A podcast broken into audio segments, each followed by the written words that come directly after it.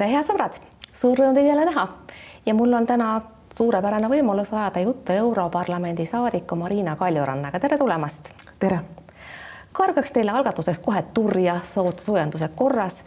olete Europarlamendi liige Sotsiaaldemokraatliku Erakonna ridades kuid alati, kui koduparteid on vaja juhtida ja on vaja uus juht leida, siis olete teie puu otsas, kui see pauk käib, mitte kunagi te juhi rolli endale võtta sellest te keeldute alati resoluutselt. no miks ometi erakonnal oleks reiting palju parem, kui teie seda juhiksite?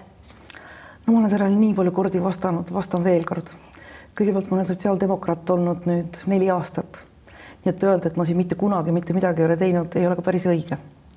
selle aja sees on jah olnud äh, kahed juhi valimised ja mõlemal juhul kandideerisid inimesed, kes äh, tahtsid juhtida, kes olid selleks valmis ja kes tahtsid seda vastutust kanda. ja, ja ma tunnen, tundsin kõiki neid. nii et oma sisimas ma mõtlesin selle läbi ja olin valmis toetama neid inimesi, kes kandideerisid. miks olen... te ise ei kandideerinud, te ju mõistate, teid tuntakse väga palju paremini ja kui teie juhiksite seda erakonda, siis ta reiting ei oleks nii mudas, nagu tema kogu aeg on. no ma ei seoks seda reitinguga, aga jah, ma olen seda mõelnud ja tegelikult ma olen elus mitu korda pidanud mõtlema, kas ma võtan selle vastutuse ja kas ma teen seda. iga kord ja... olete öelnud ei, kas see pole nagu selline natukene isekas ka, et ja, alati vastate ei? jah, sest te lase mul seda lauset lõpetada, mida ma tahan öelda, te tulete järgmise küsimusega sisse. palun. ma tahtsin öelda seda, et ma olen alati ka läbi mõelnud, kas ma olen selleks valmis, kas ma oleksin hea kas mul on selleks piisavalt oskusi, pädevust.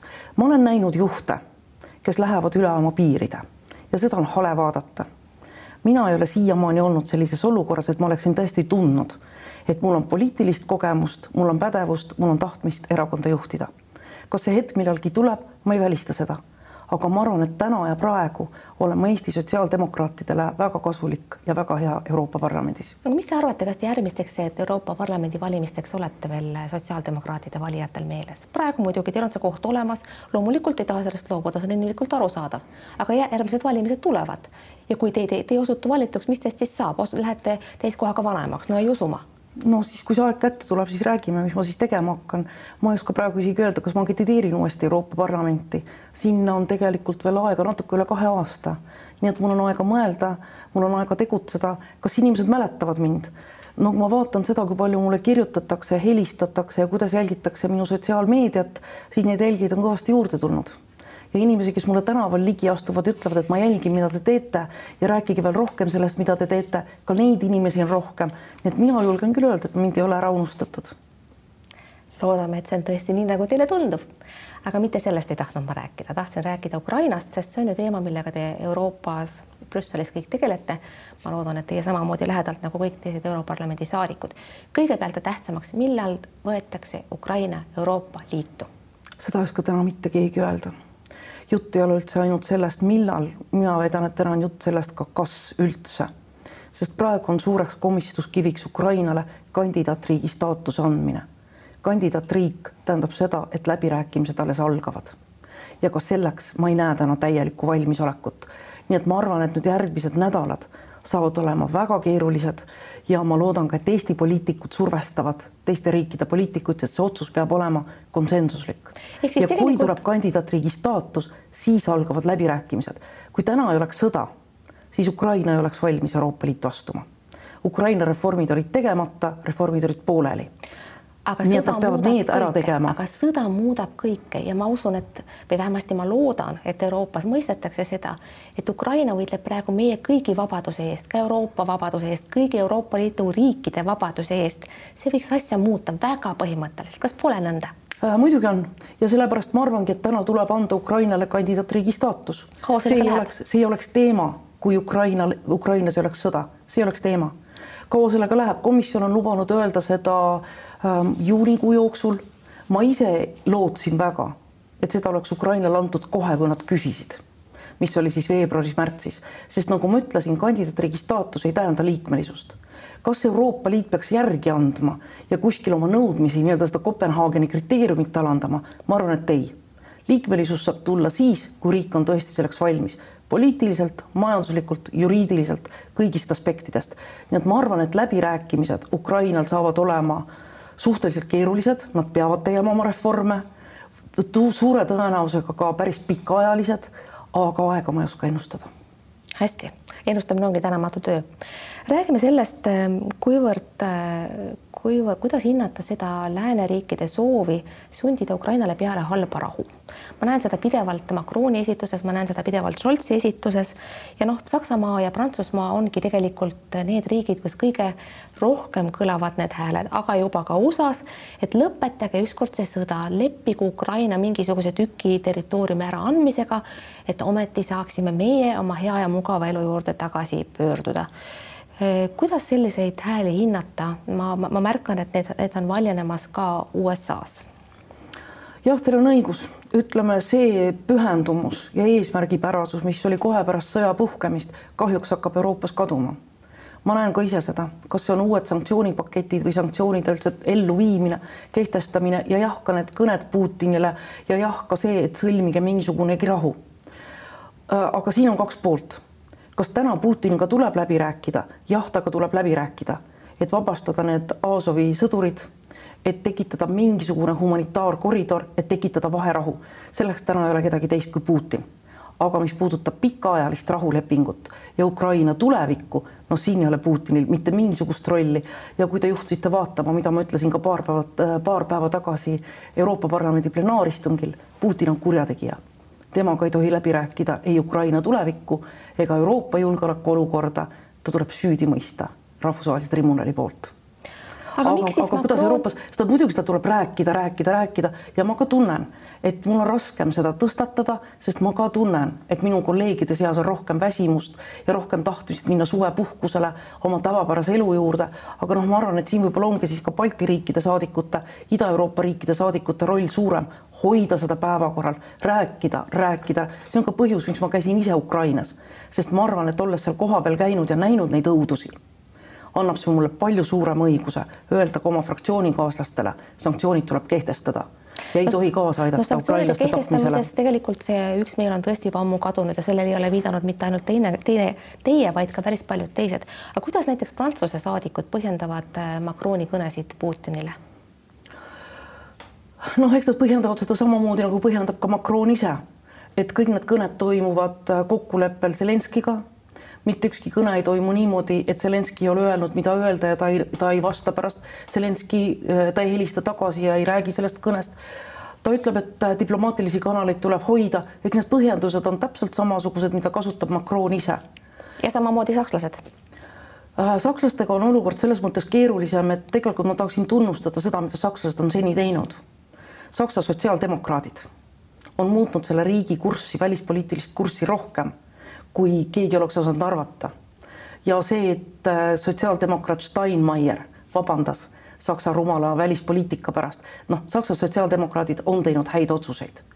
jah, praegu see venib, see on aeglane, ei ole sellist konkreetsust ja ma arvan, seda näitavad ka toetusnumbrid, kus Saksa sotsiaaldemokraatide toetus tuleb kolinal alla. näiteks kantsler Scholz peab sellest tegema ise oma järeldused. aga mida ütlevad minu fraktsioonikaaslased, nad ütlevad, et sanktsioonidega, mida teie nõuate, panete te sellise põntsu öö, Saksamaa majandusele, et see omakorda paneb põntsu kogu Euroopa Liidu majandusele, kõigi meie inimeste hakkamasaamisele ja see on mõnes mõttes õige.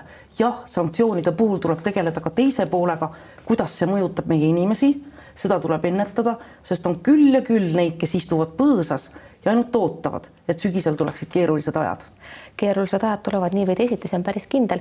ma mõtlen nüüd selle peale vahel siin, et me kritiseerime tegelikult prantslasi ja sakslasi päris palju ja ka mina olen selles saates korduvalt küsinud, kuidas me peaksime mõistma seda, mida nad ütlevad ja räägivad. kas me kohati ei ole ka siin Ida-Euroopas, kes me tunneme Venemaad võib-olla paremini ja temaga seotud ohte pikema aja jooksul ja teravamalt omal nahal kui nemad, kas me ei ole vahel nende samade prantslaste ja sakslaste suhtes siiski ka natukene ebaõiglasemad. eriti, eriti võib-olla sakslaste, kelle, kelle energiasõltuvus Venemaast on suurem, üle poole, eks ole, tuleb Venemaalt, et võib-olla me ei mõista, et see Zeitenwende, millest räägitakse, võtabki natukene rohkem aega, see ei toimu ühe päevaga. aga sellepärast ma ütlesingi, et ma tahan ka tunnustada seda, mida on, nad on teinud. aga ma ootaksin ka praegu Saksa valitsuselt samasugust käitumist, nagu oli veebruaris-märtsis, kus otsuseid võeti vastu, sest noh, me ei räägi praegu ainult uuest sanktsioonide paketist, vaid me räägime ka sellest, et seni kehtestatud sanktsioone ei täideta täies ulatuses. ja seda ma olen ka oma fraktsioonis öelnud, eriti pärast seda, kui ma tulin tagasi Butšast ja Irpinist ja ma nägin neid inimesi, et me tegelikult maksame me maksame selle eest, et seal täna toet-, seal täna tapetakse inimesi. nii et mõnes mõttes me oleme kaasvastutavad. me oleme kaasvastutavad ka selle eest, et me ei reageerinud adekvaatselt, meie Euroopa Liit kaks tuhat kaheksa, kaks tuhat neliteist. nii et me oleme teinud väga palju vigu ja praegu on viimane aeg nendest vigadest õppida. kas seda mõistetakse? kas, no, kas see mõistmine kuulab... on laiapindne? ei ole ei ole laiapindne, kuulatakse ja vaadatakse ikka sellise näoga, et noh, see kõik on õige, aga see sõda on seal, aga meie oma inimesed, aga kuidas me seletame seda itaallastele, hispaanlastele, portugallastele, kes võib-olla Ukrainat nii hästi ei mõista, aga kes saavad aru, et hinnad tõusevad, et me peame mõtlema ka oma kodanikele ja tegelikult, kui vaadata avaliku arvamuse küsitlusi mõnedes Euroopa Liidu liikmesriikides, siis seal tõesti ei ole enam nii suurt toetust Ukrainale või näiteks relvaabi andmist Ukrainale või põgenike aitamist Ukrainale nagu Eestis. ja poliitikud on poliitilised loomad, jah nemad vaatavad reitinguid, nemad kuulavad, mida nende valijad räägivad ja käituvad vastavalt sellele. aga räägimegi toit, toetamisest relvadega, tegelikult siin on Euroopa Liidul ka omad algatused olemas, oli juba olemas kaitsefond varem ja nüüd on loodud ka see rahu tagamisrahastu, nagu ta on eesti keelde tõlgitud. kas, kas selles võib näha siis esimest sammu nii-öelda hakata unioonina, liiduna toetama Ukraina sõda, sest tegelikult milles on ju praegu asi? Teha, tehakse õiget asja, aga nagu Meelis Oidsalu on viidanud, proportsioonid on valed, sõda maksab tohutumalt raha. tänagi ütles Zelenskõi, et Donbassis on venelastel relvi kakskümmend korda rohkem, see tähendab seda, et lääne abi, sealhulgas Euroopa Liidu abi relvade näol ei ole olnud piisav ja ei ole seda ka praegu. kuidas seda proportsiooni muuta, et see muutuks adekvaatseks, et nad saaksid päriselt ka võita, nii nagu me tahame? see sõltubki poliitikute otsustest. ükski fond ei, ei taga relvi, kui riikidel puudub poliitiline tahe neid relvi sinna saata. ja see on ka üks põhjus, kus ma olen tõesti ka Saksamaa suhtes väga kriitiline. Need otsused relvade andmisest ja üldse relvade tegelik andmine peaks olema palju kiirem, peaks toimuma selliselt, et sellest on rohkem abi äh, noh, selle peale vastavad äh, minu fraktsioonikaaslased, me ei taha avalikult kõigest rääkida. tõenäoliselt on midagi ka mingisugust abi, mida, millest me võib-olla ei tea, aga ma siin usaldan tegelikult ukrainlasi palju rohkem. Ja kui ukrainlased on kriitilised Saksamaa suhtes ja teiste riikide suhtes, kellel on relvastust, mida anda, kes saavad seda anda ja nad teevad seda väga aeglaselt, siis ukrainlasi tuleb kuulata. aga ikkagi Euroopa Liit kui selline, needsamad viidatud fondid ja rahastud, kui, kui suur nende protsent praegu on või, või kui suurt abi nad suudavad anda või on need pigem sümboolse väärtusega algatused? ei no kindlasti seal on rahalised vahendid olemas ja kindlasti nad toetada saavad, aga Euroopa Liidul kui sellisel ei ole relvi. Relvad on liikmesriikidel, nii et liikmes, liikmesriigid peavad tegema selle otsuse, nad peavad selleks valmis olema. kui ma olin Ameerika Ühendriikides äh, kuu aega tagasi ja me rääkisime riigidepartamangust ka Ukrainast, siis nad ütlesid, et Ukraina tahab endale julgeolekugarantiisid. Ameerika Ühendriigid nägid julgeolekugarantiid mitte mingisuguse rahvusvahelise kokkuleppena, millest hakatakse jälle taganema, vaid Ukraina relvastamisest sellisel tasemel, nagu on relvastatud täna näiteks Iisrael mis on vaenulikus ümbruses, aga keda ei rünnata naljalt, sest teatakse, nad on hambuni relvastatud, nad võitlevad viimse meheni. vot see on see, mis võib tagada Ukraina julgeoleku tulevikus. hästi, aga ikkagi jälle Euroopa Liidu roll, millest ma tahaksin teiega rääkida, selle juurde veel kord tagasi tulla, näiteks selles võtmes, et Macron rääkis juba päris ammu Euroopa armee loomise vajadust, seda ideed ei peetud eriti mõistlikuks ja seda ka ei tehtud. aga ma lugesin nüüd, et Euroopa Liit on loomas viie tuhande pealist kiirreageerimisüksust. kas selles võiks jällegi näha siis teatavat algatust, mis viib Euroopa Liidu kui uniooni militariseerumiseni, et tal tekiks ka mingisugune roll näiteks NATO kõrval või siis sellega koostöös? NATO roll kõrval, NATO-ga koostöös, NATO-t täiendada ja ja kindlasti selleks võimekusi nüüd ilmselt luuakse ka palju rohkem, kui veel aasta-poolteist tagasi sellest räägiti, aga kindlasti mitte dubleerida. NATO on ainulaadne, NATO on kaitseorganisatsioon ja NATO töö kaitsealaselt see on midagi, mida Euroopa Liit ei peaks püüdmagi dubleerida. aga seda ma näen ka Euroopa poolelt, et koostöö kahe organisatsiooni vahel on kehv. ta võiks olla palju parem, alustades, ma ei tea, infovahetusest, alustades hübriidvõitlustest, alustades ühistest äh, õppustest, ühisoperatsioonidest, seda täna ei ole, kuigi liikmesriigid kattuvad nii palju. ikkagi elatakse oma selles äh, tornis oma valdkonnas, nii et kindlasti koostööd tuleb parandada ja Euroopa Liit peab hakkama rohkem selle peale mõtlema, Euroopa riigid, kuidas iseendaga hakkama saada, mitte vaadata iga häda puhul Ameerika poole. nii et see pööre, ma arvan, mõtlemises on toimunud noh, rahalises pooles ma arvan, on ka toimunud, sest ka ma ei tea, Saksamaa ja teised riigid, kes varem ei rääkinud kahest protsendist, räägivad kahest protsendist täna kõval häälel ja on võtnud suuna sellele, mis on väga kõva sõna. Räägime Euroopa Liidu riikide sõltuvusest Vene naftast ja gaasist. Naftaga on lugu natukene lihtsam, kuigi sellega seotud kokkuleppeid on võimalik ka nendest sanktsioonidest kõrvale hiilida, seda on ka tehtud, aga eriti, eriti Vene gaasi puhul on tähtajad lükatud väga kaugele Euroopa Liidu vaates ja ausalt öeldes äh, ei ole ka siis tegelikult täielikku garantiid, et see gaasiembargo tegelikult teoks saab, juba praegu me näeme, kuidas konkreetsed ettevõtted hiilivad sanktsioonidest mööda. mis mõtet on siis sellistel tähtaegadel, kui liikmesriigid ja sanktsioonide kehtestajad ise teavad, et see sõel vett ei pea?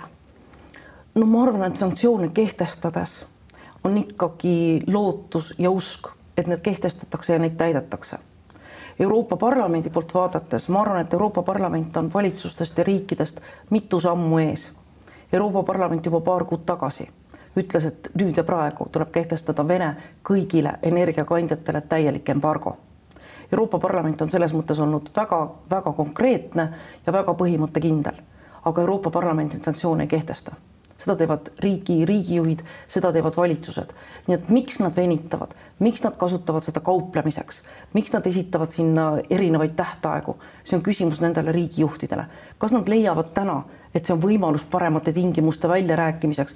no kui ma kuulan neid Orbani tähtaegu, mis on viis-kuus aastat, see ei tundu loogiline. no aga äkki Euroopa Liidul ei ole piisavalt autoriteeti nende riikide juhtide silmis äh,? mis see põhjus on äh,? kindlasti Euroopa Liit, Euroopa Liidu senine poliitika ja riikide mõjutamine on nagu ta on jah, on mingisugused finantsinstrumendid ja jah, lõpuks on ka Euroopa Liit otsustanud mitte maksta välja Ukraina, vabandust, Poolale ja Ungarile rahalisi vahendeid niikaua, kui nad ei täida õigusriigi põhimõtteid. see on esmakordne, varem ei ole seda juhtunud. Euroopa Liit ei olnud selleks valmis, et mõned liikmesriigid ei käitu nii, nagu liikmesriikidele kohane. nii et jah, Euroopa Liit kindlasti peab ka ise muutuma, ka ise ennast ümber mõtlema ja ka ise tegutsema efektiivsemalt aga siis tuleb ka näiteks seesama küsimus konsensusliku otsustamise kohta. kas oleme valmis loobuma konsensuslikust otsustamisest, mis teeks ju palju lihtsamaks praegu nii Poola kui ka Ungari nii-öelda distsiplineerimise ja õigele teele suunamise. aga, aga, aga mis puudutab varusid, siis ma ütlen ainult nii palju, et Ursula von der Leyen esines Euroopa Parlamendi ees mõned kuud tagasi ja ta ütles, et Euroopa Liit saab hakkama, kui kehtestada kohe ja praegu täielik embargo gaasile ja naftale järelikult Euroopa Liidul on see võimekus olemas. lihtsalt see on kas kallis või ta pole mugav ja tuleb mängu jälle seesama, aga meie inimesed kannatavad. ei no seal on ikkagi, see on, häda on selles, et see on rohkem teoreetiline, kõik need väljaütlemised on teoreetilised, sest juba praegu, kui on Euroopa Komisjon on selgelt väljendanud, et nafta ja gaasi eest ei hakata rublades maksma, siis ometi konkreetsed ettevõtted liikmesriikides ju teevad seda. Nad teevad seda niimoodi, et nad avavad kaks kontot, ühe rublades ja teise, teise eurodes ja maksavad eurodes ja sealsamas, mis selle asja nimi oli, Gazprom pankis konverteeritakse nad rubladeks. see on sisuliselt ju nihverdamine, see on tegelikult sanktsioonidele ja kokkulepetele ja suuristele sülitamine. on ja see ja see on nii ja noh, muidugi see on küsimus, ma arvan, meie energeetikavolinikule Kadri Simsonile, kuidas siis komisjon sellele vastab. aga teie kuidas... suhtlete temaga, mis ta ütleb selle peale? et selliselt see, see toimub nõnda? jah, ta oli Euroopa Parlamendi ees nüüd mõned, mõned päevad tagasi ja noh, eks see jutt oli ka selline noh, natukene ümmargune natukene pikk, natukene segane, sest jällegi noh, vaadake, mina ei anna talle hinnangut. Te andnud, juba andsite. Vaadake seda hinnangut, mille talle on andnud ajakiri Poliitika no, ta... kes on võrrelnud kõiki volinikke. Et selles mõttes ei ole mõtet süüdistada, et nüüd keegi opositsioonist ründab energeetikavolinikku ikkagi.... vaadake seda objektiivset pilti ja seal on kõik vastused see, olemas. see poliitiku lugu on mul hästi meeles ja tegelikult see oli ülimalt kriitiline ja see pole esimene kriitika tema suhtes, et põhimõtteliselt ta ikkagi ei jaga nagu matsu, ei saa hakkama. Äh, ma ei taha öelda niimoodi, et ei jaga matsu, aga kindlasti äh, saaks ta olla palju konkreetsem ja kindlasti saaks ta olla palju nähtavam ja kindlasti saaks ta palju rohkem rääkida ka Eesti publikule, ka meile.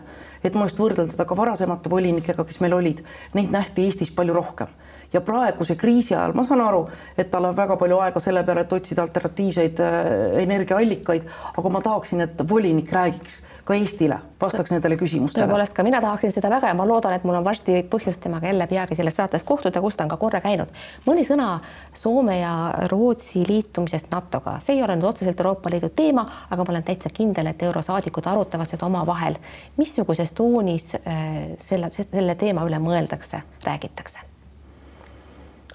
Äh, ikkagi pigem äh, valdavalt positiivne noh, jah, tõepoolest ma ei ole võib-olla kõigi riikide saadikutega seda arutanud, aga kui vaadata praegust julgeolekupilti ja kui vaadata kaarti, siis no midagi pole teha, Soome, Rootsi on olnud NATO-le nii suured liitlased ja partnerid juba aastaid et noh, see ei ole ju kellelegi uudis, et ka äh, sellesama kuul-, kurikuulsa kindral Gerassimovi kaartide peal olid Eesti ja Soome joonistatud ühtse ruumina, ühtse territooriumina. nii et see on täiesti loogiline samm nii et ma arvan, pigem ikka vaadatakse seda positiivselt ja vaadatakse positiivselt ka selles mõttes, et paraneb koostöö NATO, Euroopa Liidu vahel ja jah, paraneb ka Euroopa Liidu julgeolek. mida arvatakse Türgi käitumisest? me ju teame, et Türgile, Türgi esitab siin omi tingimusi ja ma saan aru, et loodetakse nende tagasivõtmist ja nii-öelda natukene tagasitõmbamist, aga kas on, kas on ikka päris kindel, et nii läheb? Ma arvan küll. Sest seda ütlevad praktiliselt kõik diplomaadid, et jah, türk, türklastel meeldib kaubelda, türklased oskavad kaubelda, on nad kaubelnud ka varem, noh, räägitud on meie kaitseplaanidest, kui tehti Balti riikide ja Poola kaitseplaane või ka migratsioonikriis kaks tuhat viisteist, kuusteist, kus Türgi kauples endale välja ikka korraliku toetuse Euroopa Liidu poolt selleks, et äh, hoida põgenikke oma territooriumil. noh, praegu räägitakse, et ühelt pool on seal siseriiklikud probleemid, kus Erdoganil on vaja oma populaarsust tõsta, aga teiselt poolt äh, huvitavad neid ikka väga ka ameeriklaste hävitajad. nii et tegelikult äh, ma arvan, nendega on suht lihtne läbi rääkida, teades, mida nad soovivad, mida nad tahavad. nii et ma arvan, et jah, lõpptulemusena annavad ka nemad milleski järgi. Marina Kaljurand, te olete olnud suursaadik Venemaal ja võib-olla tunnete Vene asju ja Vene mõtlemisviisi palju paremini kui teine, ma olen päris kindel, et see nõnda on väga palju on kombeks arutleda lääne meedias, tõlgime meie ka neid artikleid ikka selle kohta, mis toimub Putini peas, kas ta on võimalik, võimeline tuumanuppu vajutama ja siis koos sellega tekivad ka sellised arutelud, et kas on võimalik revolutsioon Venemaal ehk siis tõesti niimoodi olukorra muutmine altpoolt või siis see, et Putin kõrvaldatakse võimult nii-öelda klannisiseselt. Öelge palun, kui palju neil kahel teoorial tegelikkusega pistmist on ja kui, kui palju on neist kumbagi põhjust realistlikuks stsenaariumiks pidada? no need on kõik spekulatsioonid, aga kui ma vaatan praegust olukorda ja mõtlen ka selle peale, kui ma ise äh, Moskvas töötasin, siis mina uskusin tollel ajal, et muutuse võivad tuua noored. kui Venemaa oli veel suhteliselt avatud, siis ma arvasin, et noortele Euroopa Liidus õppimisvõimaluse andmine, töötamise võimaluse andmine avab nende silmad, nad tulevad koju ja tahavad samasugust elu. ma tean, täna ma tean, et seda ei juhtu kas täna, kas toimub revolutsioon? pigem ei. inimesed on äh, ära hirmutatud, need, kes saavad tegelikust olukorrast aru, aga paraku on väga palju neid, kes arvavad, et Putin teeb õiget asja, on valmis lõpuni kannatama ja lõpuni nii-öelda jutumärkides surema Putini õiguse eest. nii et jah, ma arvan, et äh, mulle tundub, et äh, nendest stsenaariumitest ja valikutest on mingisugune klannisisene või tema ümbruse sees poliitiliste jõudude ümbermängimine, kui nähakse, et tast ei ole enam kasu. ta on siiamaani taganud oligarhidele, tema klannile mugava elu, mugava elu läänes, vara hoidmise, lapsed õpivad, naised shoppavad. nüüd ta enam seda ei taga. ehk siis arvan, see on võimalik? ma arvan, see on võimalik, aga selleks peavad tulema ka lääne poolt väga selged signaalid. kui ikka Macron räägib, et arutame Euroopa julgeoleku tulevikku Putiniga, siis seda kuulevad kõik. see peab olema üheselt selge. Putiniga tuleviku üle läbi ei räägita Putin läheb kohtu alla. ma arvan, see pluss äh, võimalus saada ka nii-öelda siis no nende ümber äh, saada enda poolele ka sisejulgeolek, äh, kaitsevägi, sõjavägi, noh, need on need elemendid, mis peavad kõik kokku jooksma. ja siis on võimalik, et Putin kõrvaldatakse ametist Venemaal Marina Kaljurand, viimane küsimus, mis ei puuduta üldse teie tegevust, aga teie suhtlete nende inimestega, kes siin vahepeal täitsid ka meelelahutusveerge seiklustega ühes baaris, ma räägin eurosaadikutest Riho Terrasest ja Jaak Madissonist, kes pidid siis pärast kinnitama, et nii nimetatud intsidendis ei olnud mingisuguseid rassistlikke elemente. Ja kui juba midagi säärast üles kerkib, siis see tähendab seda, et asi on tõsine. Teie ilmselt näete neid kahte toredat eurosaadikut iga kord ja, ja millest, mis siis nad siis räägivad, et mis seal siis juhtus ja, ja kuidas neile endale see tundub, millega nad hakkama said? kas te olete nagu nendega sellest kordagi rääkinud? aga teised see... eurosaadikud ehk arutavad seda teemat? ma arvan, et ei, see on, see on Eesti meedias nii läbi arutatud, et noh, mida sa ikka enam küsida, ma võin ainult nii palju öelda, et kumbki neist ei kuulu nende inimeste sekka, kellega ma ise läheksin pidutsema või kellega ma ise läheksin õhtul veini jooma või noh, jalutama ja juttu rääkima. nii et mul on tõesti väga raske kommenteerida seda ja ma ei ole seda ka nende käest küsinud. arusaadav lühike vastus, konkreetne jutt. Marina Kaljuraid, ma tänan väga teid selle kohtumise eest, head sõbrad, aitäh, et te saadet vaatasite. vaadake järgmist ikka veel jälle, elage vahepeal hästi, kuulmiseni ja nägemiseni.